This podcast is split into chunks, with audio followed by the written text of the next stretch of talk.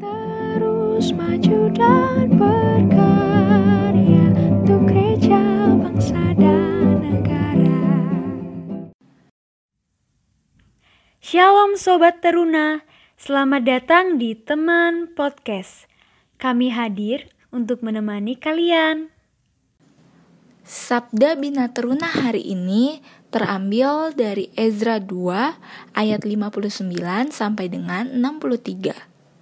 Teman-teman, sebelum mendengarkan firman Tuhan, jangan lupa berdoa ya.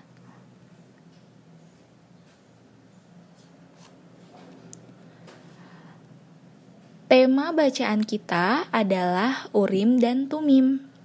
Urim dan Tumim adalah dua batu berbentuk ceper yang biasanya digunakan oleh imam besar sebagai alat untuk mendapatkan petunjuk dari Allah. Urim adalah sisi batu yang berwarna putih, sedangkan Tumim adalah sisi batu yang berwarna hitam. Urim dan Tumim digunakan dengan cara dilemparkan secara bersamaan hingga terjatuh ke tanah.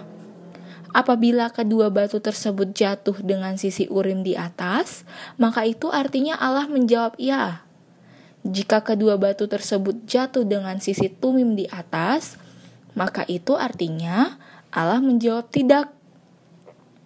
Jika keduanya jatuh dengan masing-masing sisi Urim dan Tumim, maka itu berarti tidak ada jawaban dari Allah. Sobat teruna, di antara orang-orang Yehuda yang kembali dari pembuangan, ada kelompok yang tidak dapat membuktikan apakah nama mereka tercatat atau tidak dalam silsilah bangsa Israel. Terkait hal ini, kepala daerah memutuskan untuk menunggu sampai ada seseorang imam besar yang memegang urim dan tumim. Hal ini bertujuan untuk mendapatkan jawaban dari Allah. Di satu sisi, keputusan ini tepat.